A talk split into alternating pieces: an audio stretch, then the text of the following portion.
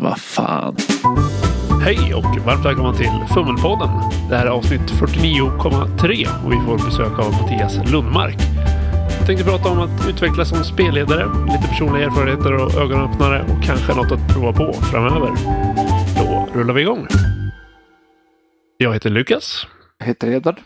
Vi kör vidare med lite distanssamtal och skjuter på det här avsnitt 50 tills hela ordinarie panelen är samlad.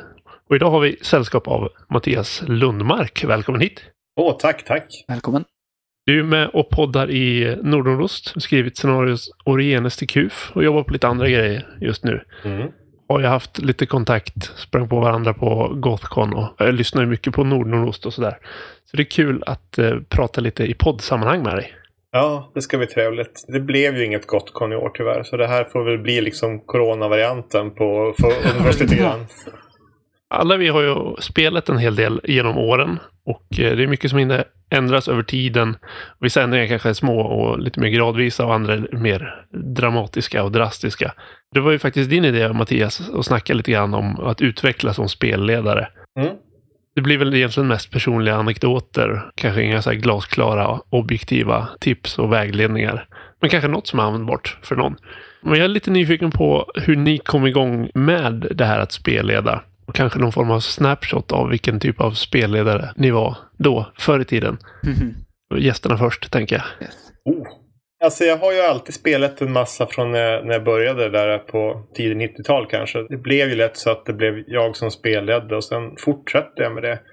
I början var det ju mest äventyrsspelsprodukter och faktiskt ganska mycket äventyr också. Färdiga äventyr, eller? Ja, både och. Alltså äventyr som i att det ska vara liksom en paketerad upplevelse. Spela filmen, spela boken, stuket. Den traditionella dramaturgiska kurvan och ganska rälsat. Det är egentligen samma för mig. Jag tror jag kom igång. Jag testade att spelleda själv först eftersom det inte var någon annan som ville spelleda. Vi var något litet gäng som hade hört talas om rollspel. Sen kom jag in i någon förening. Hade faktiskt Edvard som spelledare ett tag. Mm. och börja hoppa in och spelleda. Ofta hoppar jag in lite emellan och så hade jag någon så här high concept idé om att nu ska vi spela den här idén som jag har haft som kontrasterar starkt mot det vi har spelat tidigare så att vi får lite omväxling. Samma sak där, man har en tydlig idé om en viss story och en upplevelse som man ska ge spelarna. Och eh, tog ganska mycket stolthet i att vara duktig på att lägga fram val där jag alltid visste vad spelarna skulle välja. Sätt.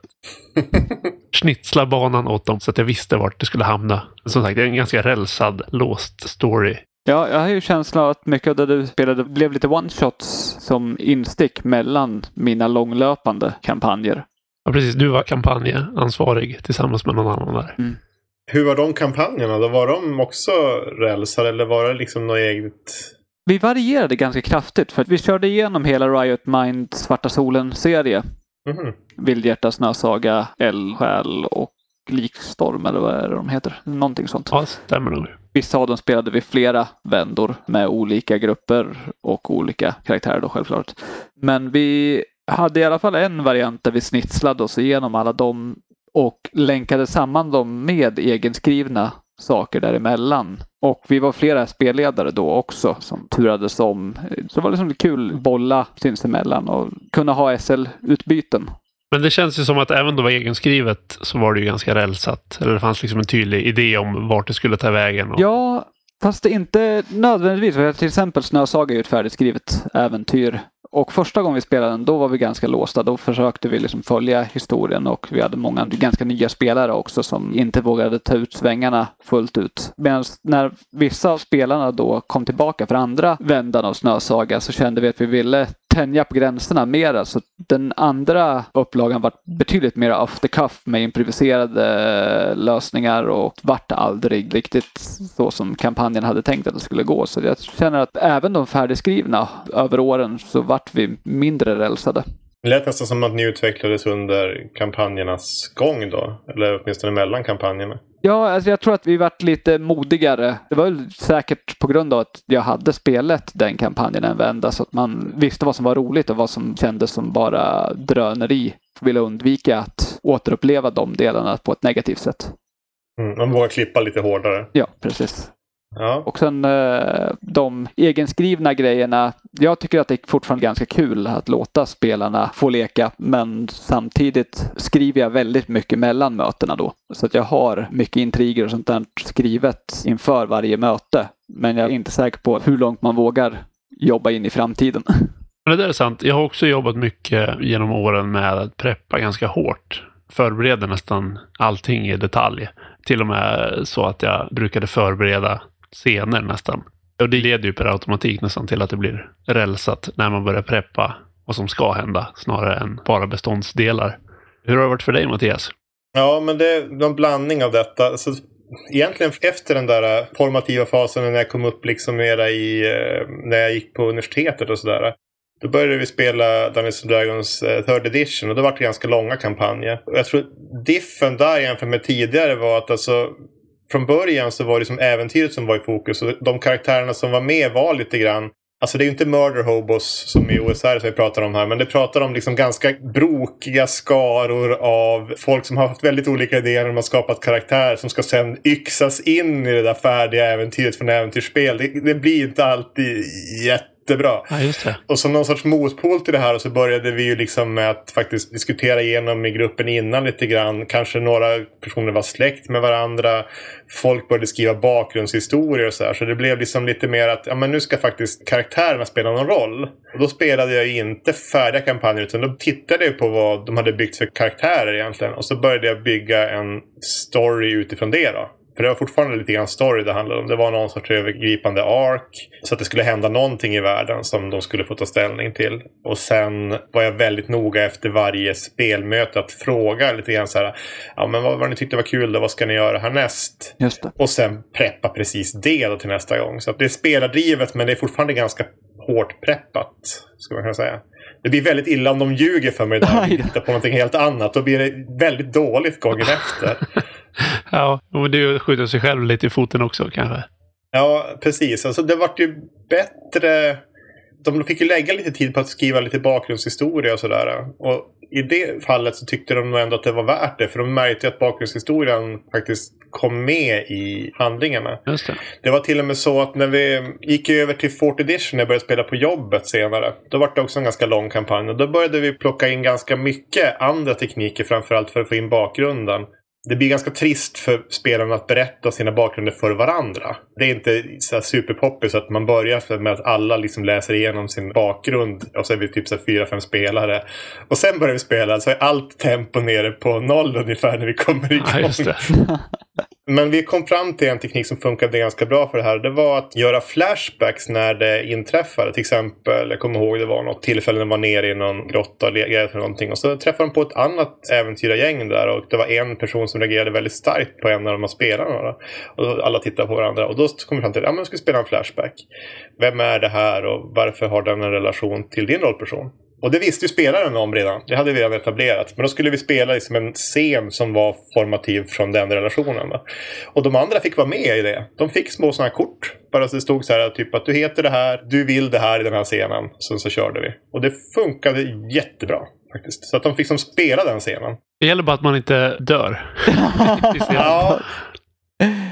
Men det kan vara intressant det var ganska sent som vi gick ifrån vår ordinarie strategi i vår spelgrupp som var egentligen att folk gjorde rollpersoner på olika håll. Det var lite prat mellan spelledare och gruppen och enskilda personer. Spelledaren sa, jag tänker mig att vi ska spela något sånt här, så att göra ungefär en rollperson åt det här hållet eller som kan tänka sig att ge sig in i något sånt här. Och sen hade man lite enskilda konversationer med spelledaren och sa att ja, jag funderar mm. på att spela något sånt här. Och Vissa var kanske mer ambitiösa och skrev bakgrundshistorier och andra nöjde sig bara med de här små konversationerna. Då. Ja, det är väl egentligen de senaste två åren vi har gett oss in ordentligt för en grupp kreativ effekt. Ja, vi började lite grann med Apocalypse World och sådär och ha en tydlig session zero där vi skapade allting tillsammans. Och sen av någon anledning så, jag tror det var det här superhjältespelet Masks vi skulle köra. Och då började folk skapa rollpersoner på egna håll igen.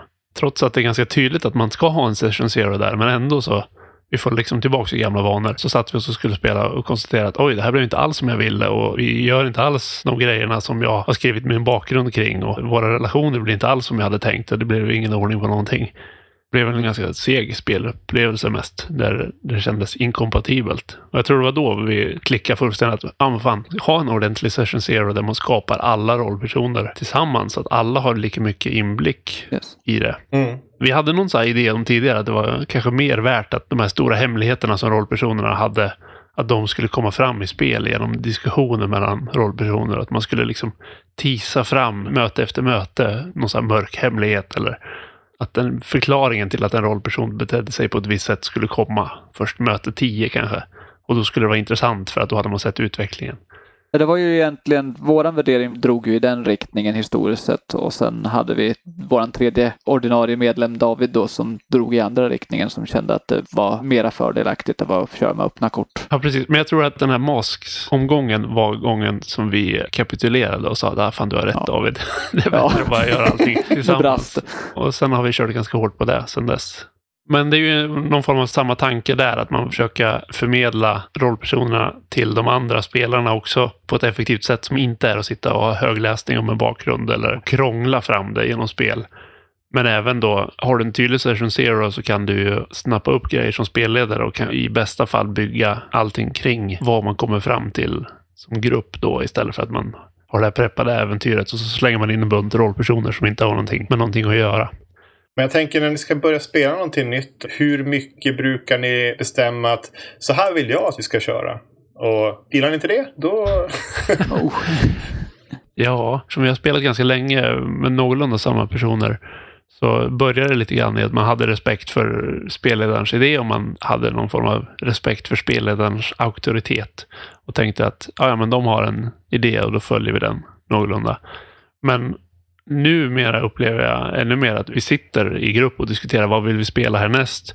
Och kanske Mm. till och med att spelledaren är den som lägger sig i minst och mest fångar upp vad gruppen i sin helhet vill.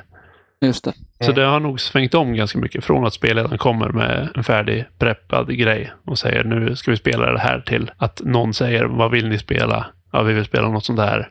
Och då kanske någon tar på sig att spelleda först i efterhand och tycker att ja, men det där kan jag tänka mig att spelleda. Mm, så det är mer en is-pitch eh, omröstning om vad man vill göra för någonting. Men det är som en omvänd hisspitch i dagsläget nästan. Hela gruppen sitter och diskuterar. Ja, jag skulle vilja spela något sånt här kanske. Ja, just det. Men då kanske vi skulle kunna lägga in de här elementen också. Så att det är mer som en brainstorm än som en pitch, tror jag. Ja. Sen är majoriteten av vår spelgrupp är ju med i den här podcasten också då, vilket gör att kurskorrigeringar under SLNs gång blir saker vi diskuterar här. Så har vi någonting som inte riktigt känns rätt eller något sånt där så får vi liksom reda ut det under samtal. Ja. Jag har ju alltid haft svårt för den här idén om att spelledarrollen är på något sätt högre än spelarrollen. Att man ska ha så mycket respekt för spelledaren per automatik. Att man ska hålla på och tvätta spelledarens bil och, och bjuda på godis och sånt där. Men nu har vi på något sätt gått ännu längre ifrån det. Jag tycker det är någon sorts mytbildning runt den där biten. Jag tycker snarare det brukar vara tvärtom. Att man är den här personen som förväntas serva de andra på ett sätt som inte känns helt okej. Ja, men det är sant. Det är också en vanlig bild av spelledaren på något sätt. Att I vissa grupper så är det nästan som att spelledaren ska leverera underhållning medan spelarna ska sitta där och bli underhållda. Ja, och man får nästan inte göra fel heller. För det är så höga förväntningar på att ja, men när du ändå har satt det här och du har tagit på dig den här titeln. Då förpliktigar det lite grann att du ska leverera en ganska bra upplevelse. Och det ska inte bli så mycket tjafs och fel. Liksom, utan det ska bli bra. Eh, Varför kommer vi annars att spela det här med dig om inte du kan uppfylla det på något sätt? Uff.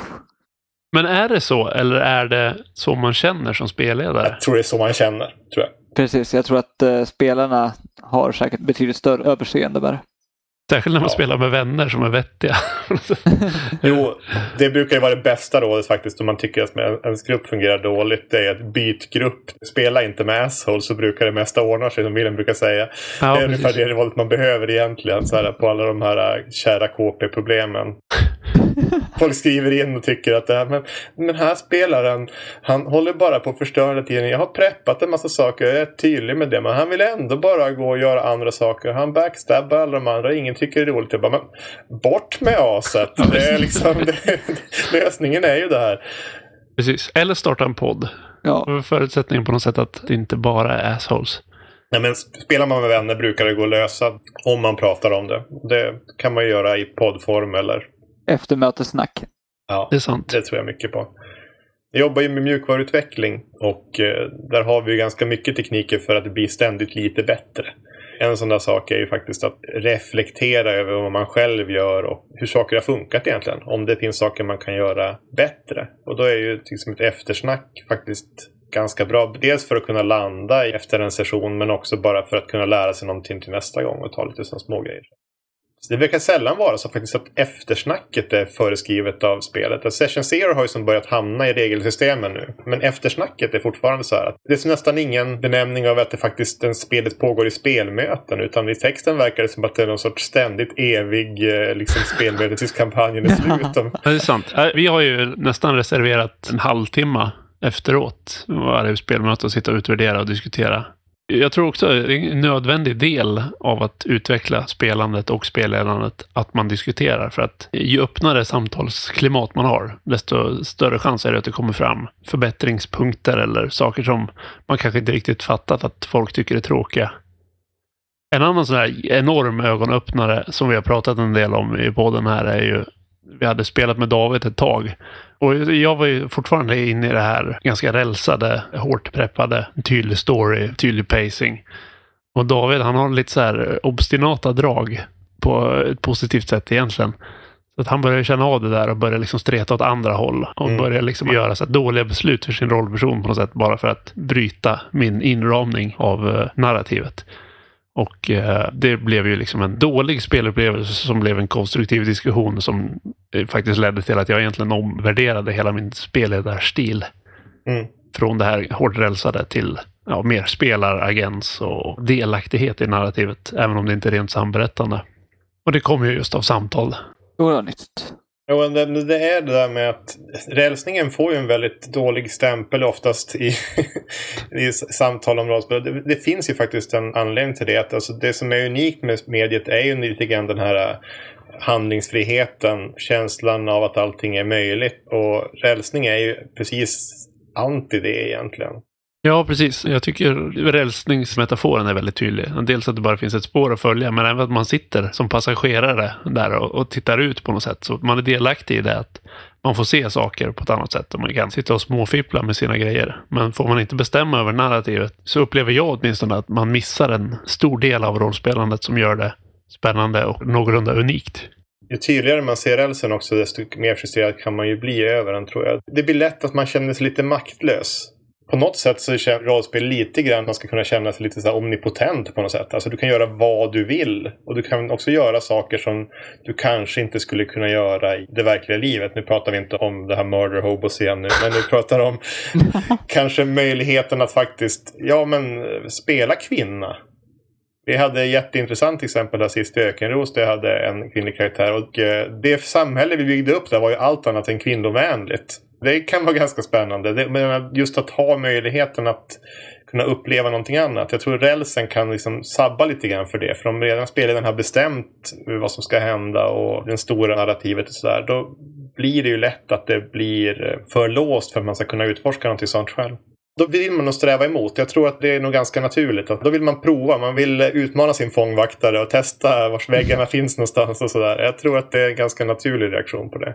Ja visst, och jag, jag tror att uh, bara känslan av att valen spelar roll, oavsett om det är valen som man gör i spel eller valet man gör när man skapar en rollperson eller sådär. Om inte det spelar någon roll så känns det som bara bortslängd tid. Mm. Hade man lika gärna kunnat spela med någon sån här blank slate-karaktär och sitta och nicka hela tiden. Det var ju bara först för några år sedan som jag kom in på hela den här med OSR-rörelsen. Och det är egentligen... Alltså jag gillar ju inte allting med OSR. Men det jag tycker är bra är just det här med att det på något sätt är lite ärligt. Det är spelarutmanande på ett sätt som traditionellt rollspel inte alltid är. Traditionellt rollspel kan ju ofta till exempel utmana rollpersonen för den har en massa skills och så, ibland så, tradspelare fuskar ju ibland. Alltså flytt flyttar grejer och... Det blir lite långsamt här. Nu flyttar vi fram det här mötet här. Ja, men nu har de kämpat så länge. Nu får de hitta ledtråden ändå. Och det där blir viktigare när man har skrivit en tydlig story med en viss pacing och, och vissa saker som ska hända och, och, i en viss ordning och så vidare. Som du säger, systemet mäter ju karaktärens förmåga genom att slå färdighetsslag och sådär. Mm. Men det får inte misslyckas vid vissa tillfällen. Ja, Då måste man ju fuska lite grann och, och flytta på lite grejer och och ni gjorde det där valet nu, då dör ni. Nej, just det, men då är storyn över. Nej, då kan ni inte dö heller. Uh, nej, men då, vi flyttar allt det här och, sen, och då kan allting bli ungefär rätt i alla fall. då styr vi upp det. Jag tänkte säga tidigare i samtalet att färdigskrivna äventyr och sånt där, uh, de tenderar ju att vara extremt rälsade. Men det gäller ju egentligen bara färdigskrivna äventyr. Så här OSR-moduler och sånt är ju ganska hårt preppade, men ja, det blir som det blir. Precis. Nej, jag har sagt det någon gång i Nordnordost att OSR är problemlösning för spelaren och TRAD är problemlösning för spelledaren för att få ihop allting. ja, jag tycker den är jättebra faktiskt. Det var egentligen det jag insåg när jag hittade OSR. Att, alltså, ja, det är ju helt okej okay att ha en massa material. Om vi ska prata lite rollspelsteori då. Som spelledare, vad har man för roll egentligen? Jo, man, man sitter på spelmötet och sen så beskriver man saker med ord. På ett spelmöte på fem timmar så får du bara in den här mängden med ord. Och jag antar att din prepp då egentligen gör mest att du kan göra bättre ord än du kan improvisera. Hade man varit gudomlig på att improvisera hade man ju kunnat få fram exakt samma ord som en annan spelare hade preppat. Eller hur? Det är sant. Och jag tror att när man inser att ja, men man kan bara göra så mycket under själva spelmötet så blir man nog kanske lite mer noggrannare med vilken typ av prepp man faktiskt kan använda. Kommer det här verkligen att påverka spelmötet i någon positiv riktning? Eller skriver jag bara ner de här orden nu för att det är typ kul att skriva eller någonting sånt. Men ingen spelare kommer någonsin att se det här. Det är sant. Vi har haft många samtal efter kampanjer. Så här, vill ni höra allting som ni missade? eller ja. liksom, vad som egentligen pågick? Eller ja, det är en klassiker. Och ibland vill de ju det. Det är ju fantastiskt att de vill det, men, ja. men varför? Vad missade vi bakom dörr nummer två? Ja, precis. Eller vem var den där farbrorn som kom in och skrek grejer? Ja, jo, men han var jätteviktig och sen har spelledaren skrivit liksom 20 sidor bakgrund till hur han blev den där farbrorn. Men ingen brydde sig om det i spel, så att det var helt onödig prepp på många sätt. Mm. Jag tror att när jag började inse det, att alltså det prepp är inte jättefarligt, men det måste vara rätt sorts prepp då tyckte jag att jag levlade upp lite grann. För helt plötsligt så kunde jag ju faktiskt använda min ganska surt förvärvade tid till någonting viktigt mellan spelmötena. Något som kändes som att ja, men faktiskt, det här får, kommer jag faktiskt få användning för i spelmötet. Och någonstans där började det kännas som att det var lite, lite kul igen att spelleda. För att jag hade en period där det kändes som att det är som bara jobb och jag har ju redan ett jobb. Och det är inte en kul känsla för sin hobby på något sätt att känna att det blir ett måste. Nej, men det där tycker jag är en bra poäng. Just uh, att engagera sig själv som spelledare. Vissa verkar tycka att det är extremt kul att uh, lotsa sina spelare genom en förberedd story som de berättar mm. för spelaren. Men jag har också, jag ställde om min prepp ganska rejält där efter insikten om att det kanske inte var så kul att bara bli rälsad. Till att från att preppa mer scener och sånt så preppa situationer egentligen. Och det är egentligen det man gör när man skriver en OSR-dung eller något sånt där också. Man preppar, så här ser det ut, det här är villkoren. Och sen lite personer och platser och sånt där. Jag upplever mycket större underhållning nu som spelledare när jag bara släpper lös spelarna och ser vad är det som händer då. Gå hem från ett möte och tänka oj, det där har jag aldrig kunnat föreställa mig att det skulle hända. Det var roligt. Istället för som jag hade mer tidigare att ja, allting gick precis som jag hade tänkt. Mastermind. Ja, och det finns väl kanske någon tillfredsställelse i det också. Jag vet inte, men jag kände som du Mattias. Eh, mycket arbete för att egentligen bara uppnå samma resultat som jag redan hade förberett. Så jag hade lika gärna kunnat skriva en bok av det istället. Ja, exakt. Där jag känner lite så skamfläckar i rälsning var många situationer där man hade någon form av bovaktig person och man vill ha den där monolog slutklämmen på något sätt skapa en situation varför spelarna inte bara springer in och slår ihjäl honom så fort de ser honom. Ja. Ja, men det finns en del lite så här kluriga tips. Fester har jag märkt har varit en sån bra grej. Träffa boven på en fest och sen så vet alla om att, och vet alldeles för mycket om spelarkaraktärerna. Men de kan ändå prata civiliserat med honom. Det brukar alltid gå hem. Det är lite den här känslan av att ja, men vi ska inte bråka här. Men när vi väl har kommit bort härifrån då kommer det att smälla igen. det är trevligt. Ja, jag tror det jag har landat i på något sätt att det är okej okay att rälsa vissa grejer. Men då ska det vara tydligt att det är rälsat. Det ska inte bjuda in till handlingar som man sen inte godkänner på något sätt. Jag tycker man kan ändra på ordet rälsat för det är så himla negativt laddat. att säga att det här har jag skrivit ner. Så det här har jag nu ett kontrakt över att jag kommer vara ärlig med att inte ändra. Om ni kommer på en bra idé så ni får fram den här grejen jättesnabbt så är det okej. Okay. Och hittar ni den inte alls då är det ert eget fel. Jag lyssnade på Nordnordost när ni snackade om, ni kör ju Masks of... Ja. Mm. Det var någon som sa ja, jag har viktig information, men möt mig här imorgon kväll. Jag har en sak jag måste fixa eller någonting. Och då sa eh, spelarna okej, okay. och så la de på luren och sa vi sticker dit på en gång. För vi vet att han kommer bli mördad. Jajamän. Det känns som att scenariot är skrivet verkligen på ett sätt att så får man inte göra. Man ska vänta tills den här personen dör. Ja, alltså scenariot är ganska klumpigt skrivet där. För det finns ju faktiskt en trigger när spelarna sen kommer fram till den där personen bor. Precis då så händer det någonting. Och det kan ju egentligen hända när som helst. Det är någon sorts kvantummekanik där att hela världen står och, står och väntar tills den här gruppen av spelare kommer dit. Så på det sättet så är det lite, lite klurigt. Just det. Jag hade kunnat ändra det här genom att sätta en fast tidpunkt på det här. Men just på grund av att det här är en av de största kampanjerna som någonsin har skrivits. Så det finns otroligt mycket arbete. Och allt bygger på att den där personen inte får berätta vad den vet. Så kändes det som att jag kommer inte skriva om hela kampanjen bara för det här. Utan det här får vara min liksom, grej att den här personen måste faktiskt få dö. För jag kommer inte ens orka spela i den här kampanjen. Vi hade en liknande situation, fast ännu mer explicit. Liksom, där en person skulle spelleda för första gången tror jag. Och eh, han hade läst in sig på ett färdigt äventyr. Och det börjar med att det är en massa dvärgar som blir eh, överfallna av vargar eller något sånt där. Och så ska man hjälpa dem. Och vi hjälpte dem. Och då sa de, ja ni är så bra och tuffa och vi är skadade. Så att eh, ni kan väl åka iväg till den här läskiga hemsökta ön med massa odöda och hämta en grej åt oss som vi skulle hämta. Så att ni får 500 guld nu och 500 guld när ni kommer tillbaks. Ja visst, sa vi. Mm. Och sen började vi diskutera, är det verkligen värt att åka till en ö med massa odöda och läskiga förbannelser och sådär? Vi har ju fått så att vi klarar oss liksom ett halvår. Vi kan väl leva loppan istället. Och då lackade spelledaren och bara lyfte upp hela det här tjocka häftet han hade skrivit ut med äventyret. Höll det över papperskorgen och sa, är det det här ni vill va? Och det är ju egentligen så det kan fungera i praktiken om man har ett förälsat scenario det hänger på ett visst val ska göras. Ja, det tycker jag ändå är ärligt. Så här. Det är lite grann som att man bjuder in till tacokväll och så kommer alla dit och så har man förberett jättemycket med liksom, man har hackat gurka och man har kokat lod, liksom bönröra och man har gjort egna tortillabröd och det är liksom allting är bara förberett och de bara ah, Fast pizzan då? det är lite åt det hållet. Det är en grym liknelse faktiskt. Det finns ju någon form av socialt kontrakt, åtminstone får respektera preppen liksom. Det finns ett problem i att skriva ett scenario som är för låst. Men det finns ju samtidigt ett problem i att vara så bångstyrig att man inte ens kan tänka sig att respektera det förarbetet. Jag har ju löst det här genom att inte då köra saker som är så pass hårt förberedda så att jag inte kan kasta någonting. Egentligen, när jag spelade kampanjen Norrlands inland nu som bygger mycket på de här tankarna runt OSR. Det låter som en, oh, det är en kampanj, det är som start till mål allting sånt. Men det är ju egentligen en fisktankskampanj. Det finns fyra större faktioner. Ingen av dem är liksom givet om man kommer alliera sig med dem eller om det kommer att vara liksom ärkefienden eller någonting sånt. Utan det är liksom ganska öppet om vad som kommer att hända. Och det blir ju egentligen så att oavsett hur spelarna väljer att ta det så blir det som rätt. Ja, man allierar sig med de där och det händer det här i spelet och, och nu dog den där personen. Det finns som ingenting som kan gå sönder egentligen. Utan det kommer att bli en historia med den här tematiken då i det här mörka Norrlands inland där det händer mystiska saker. Liksom. Så det blir mer att temat blir beständigt.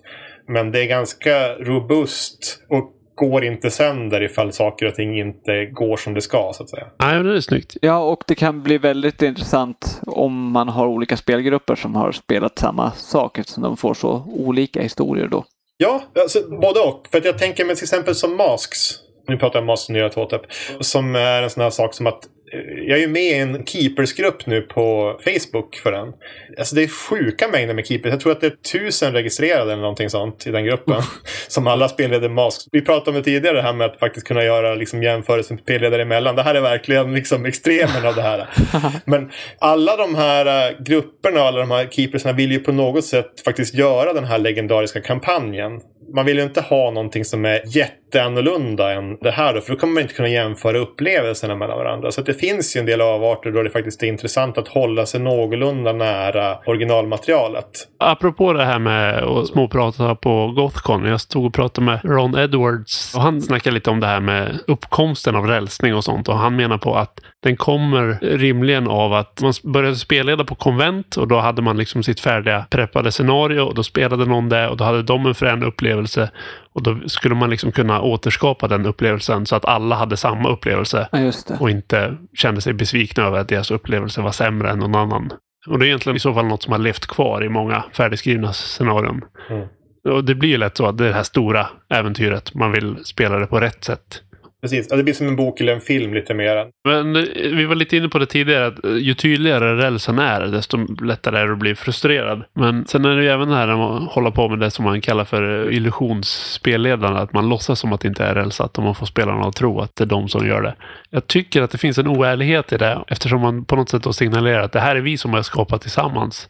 Men egentligen så är man den som har preppat allting. Man har styrt alla val, man har fuskat med tärningar. Å ena sidan så kan det vara charmigt då att ha spelat den här stora kampanjen och vara del av den uh, communityn. Eller vad man ska säga. Mm. Alla vi har spelat det här scenariot. Men å andra sidan finns det ju det här charmiga med att man har faktiskt varit delaktig i att skapa en berättelse genom rollspelarna. Att ens val har spelat roll. Att det här är inte spelledaren som har suttit och hittat på allting bara, utan det är jag som har med mina val förändrat vad storyn är. Och det är vi som grupp som har gjort någonting, snarare än att vi har lyssnat på spelledarens berättelse. Exakt. Jag, jag tror att det är precis det, alltså just att ha era val haft någon effekt. Det är ju det som jag inte gillar med de här fuskteknikerna och de här quantum ogre-grejerna. Att vi flyttar saker i tid, vi flyttar saker i plats. För då undviker man ju att man hamnar i en situation att spelarnas val faktiskt får riktigt stora konsekvenser. Alltså de har ju inte bara lyckats, men de har lyckats fantastiskt bra. Eller de kanske har misslyckats kapitalt. Alltså det blir sådana stora, stora svängningar.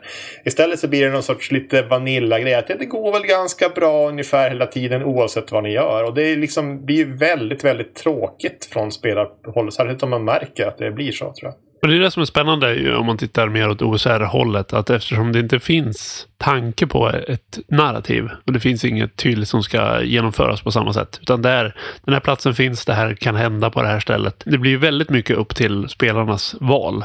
Om de väljer att gå till höger istället för vänster, då får det någon effekt. Medan om man då säger att ah, okej, okay, ni valde att gå till höger, om då flyttar vi vänsterrummet till höger så att de går in i det rummet först för att då går de i rätt ordning i den här dungen. Då har man ju förstört hela grejen, tänker jag. Rödingens labyrint. Ja, men lite så, precis. Vi hade ju lite grann den här diskussionen också angående hur mycket utrymme man ska ge tärningarna. För Lukas spelade en OSR-grej där man slår tärningsslag för hur många fiender som ska dyka upp i rummet. Och båda gångerna så slår han minimiantalet. Så att den hela OSR-grottan kändes jätte, jättelätt. Mm. Ja, och sen krittar ni den här stora farliga bad guy-personen också. Ja, precis. Med någon så här magisk kniv. Insta-kill-grej. ja. Så att ja, allting gick oerhört smidigt. Det tycker jag kan vara okej. Ja, precis. Det blir ju en grej också. Som exempel då. Säg att det kommer in i ett rum och sen är det 30 goblins. Men om det kommer in i ett rum och så är det en goblin där. Kommer ni bara hoppa på honom då? Känns det likadant liksom i det läget om det är 30 eller om det är en? Visst är det Nej. två helt olika situationer? Jag tycker det kan vara okej att det kan få vara så. Alltså det, jag tror inte man reagerar likadant på de två grejerna. Men där blir det ju även då, dels som spelare men även som spelledare. När du har den här preppade dungen med ett antal olika rum och slumpade möten eller preppade möten beroende på var folk befinner sig. Det finns inget narrativ annat än några personer går in i en grotta eller vad det nu är. Men allting som uppstår där blir ju ett narrativ som man själv skapar. Inte från ingenting, men snudd på. Och och jag tycker att det kan finnas ett värde i det. Från början när jag försökte spelleda OSR så missförstod jag det lite grann tror jag. För att jag tänkte att det blir slumpigt och inte särskilt bra. Så jag kanske måste ta bort och ändra på de här resultaten som inte passar in. Men jag har insett nu att det är inte det som är utmaningen, att ändra på resultaten så att det, det passar in. Utan det är att stå fast vid resultatet och försöka få det att passa in. är liksom den utmaning som man faktiskt ska ha. Till exempel så här, jag hade i Norrlands inland tabeller för vad faktionerna gjorde mellan sessionerna. Så att jag inte skulle bli så styrd i vad kommer vara nästa drag för det här. Och då var det slumptabeller som avgjorde. Helt plötsligt så var det en faktion, den som de hade allierat sig med, som sköt ihjäl en annan person helt plötsligt. Jag bara, jaha? Varför då? Vad jag funderar på. Jag hade ju lätt kunnat säga så här att ja, men det här får jag inte ihop. Det här passar inte in i det vi har spelat hittills. Men det var ju liksom snarare så att jag tänkte att nej, nu har jag slagit det här. Nu är det min utmaning att försöka få det här att passa ihop med de andra grejerna. Och sen så tänkte jag i en minut så kom jag fram till att ja, det finns ju en logisk förklaring. Det hänger ihop så här. Men alltså, så man kan tänka sig att allting vi har etablerat hittills är liksom en stor mindmap över grejer som har hänt. Och sen så får jag den här konstiga, konstiga bollen som jag måste på något sätt föra in någonstans och koppla in i den här mindmappen på någonstans. Det ska som hänga ihop med någonting. Och när jag väl fattade att det var den utmaningen som jag hade, då var jag ganska upprymd nästan. Alltså det, var liksom, det var lite häftigt. Det var någonting jag inte hade gjort tidigare. För tidigare hade det varit som att ja, men, jag vill ungefär att det ska bli så här istället, så jag ändrade till det. Men det drev inte lika bra. Och ju mer jag har varit ärlig med det här efter den punkten egentligen, desto bättre har det blivit tycker jag. Men det är ju två helt olika angreppssätt av kreativitet egentligen. Ja. Att antingen så preppar man mycket på förhand och sen försöker man liksom använda sin kreativitet för att kontrollera allting så att allting håller. Eller så preppar man vissa grejer på förhand och sen använder man sin kreativitet för att få allting att fungera utefter vilka val folk gör och vilka slumpresultat man kommer fram till och låter det formas till vad det blir. Det är nästan som eh, ja, de här två författartyperna. De som tänker ut hela plotten i huvudet i förväg och sen skriver ner den. Eller de som börjar skriva och ser var det tar vägen. Det blir nästan som att det som jag inte kan ändra på så att säga, det är det som har hänt, det som finns i preppen och det som jag får från slumptabellerna. Men allt kittet däremellan kan jag som lägga till. Just det. Så att det fortfarande makes sense. Mm. Vi har ju sagt det lite grann att man blir en betydligt mer färgglad improvisativ SL om man har slumptabellerna att luta sig mot. Mm. Lukas har haft lite SLP-slumptabeller för motivation och sinneslag på SLP. Mycket så här klassiska reaktionsgrejer och sådana. Mm. Precis. Vilket har varit väldigt tacksamt som spelare att när man stöter på saker att det inte blir det alltid den mest förutsägbara reaktionen från någon.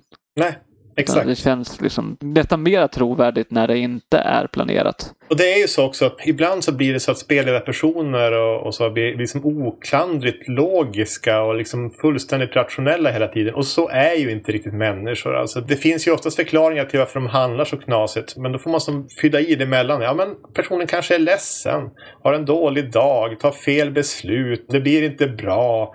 Eller tvärtom, att här, den här goblinen är ju jätte jätteglad för det är hans födelsedag.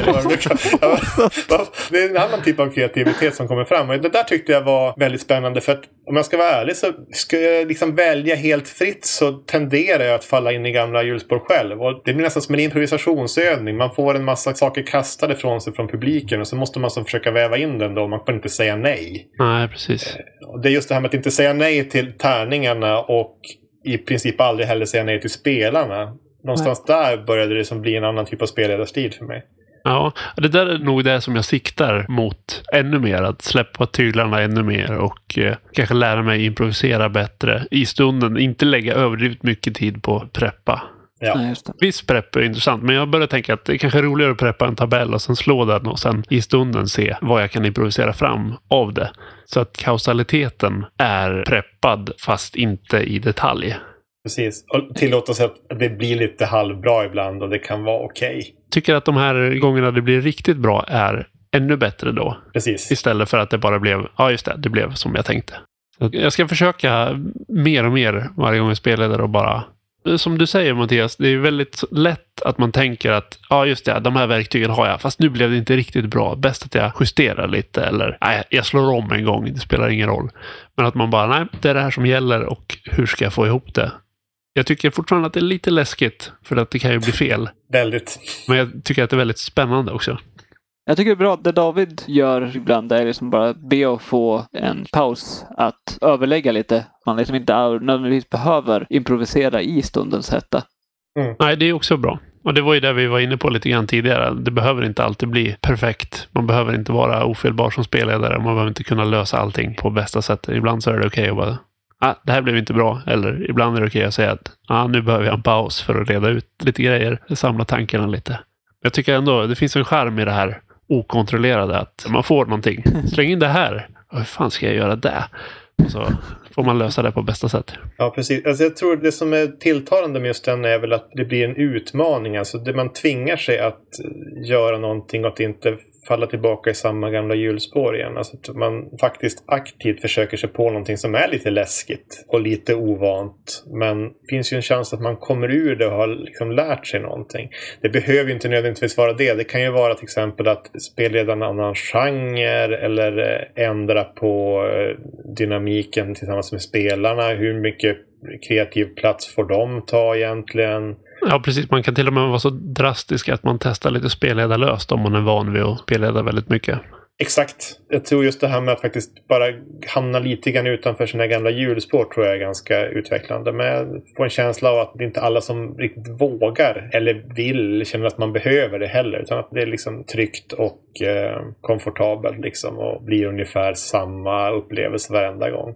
Men det varierar säkert från grupp till grupp liksom hur. Ja, Jag tror inte nödvändigtvis att det behöver vara negativt heller. Har man en grupp där alla har jätteroligt och alla tycker att det här är det bästa som finns, då kanske inte behovet finns av att ändra. nej precis. Men om märker man att det börjar skava lite, då är det dags att testa något annorlunda tror jag. Eller om man själv börjar tappa motivationen och sådär. Jag tror det är det värsta faktiskt. Att när man själv börjar tappa sugen, då tror jag faktiskt att man ska börja fundera på att prova någonting annat och faktiskt våga introducera gruppen till någonting nytt i så fall. Ja, faktiskt. Jag tror vi rundar av där. Mm. Superkul att du var med Mattias. Ja, tack så mycket. Tack, tack. Tack och hej! Hej! Du har lyssnat på Fummelpodden som presenteras i samarbete med Studiefrämjandet. Du får gärna gilla vår Facebook-sida eller kanske följa oss på Instagram. Länkar finns i avsnittsbeskrivningen. Har du feedback eller tips på ämnen? Hör av dig via sociala medier eller skicka ett mejl till info.fummelpodden.se.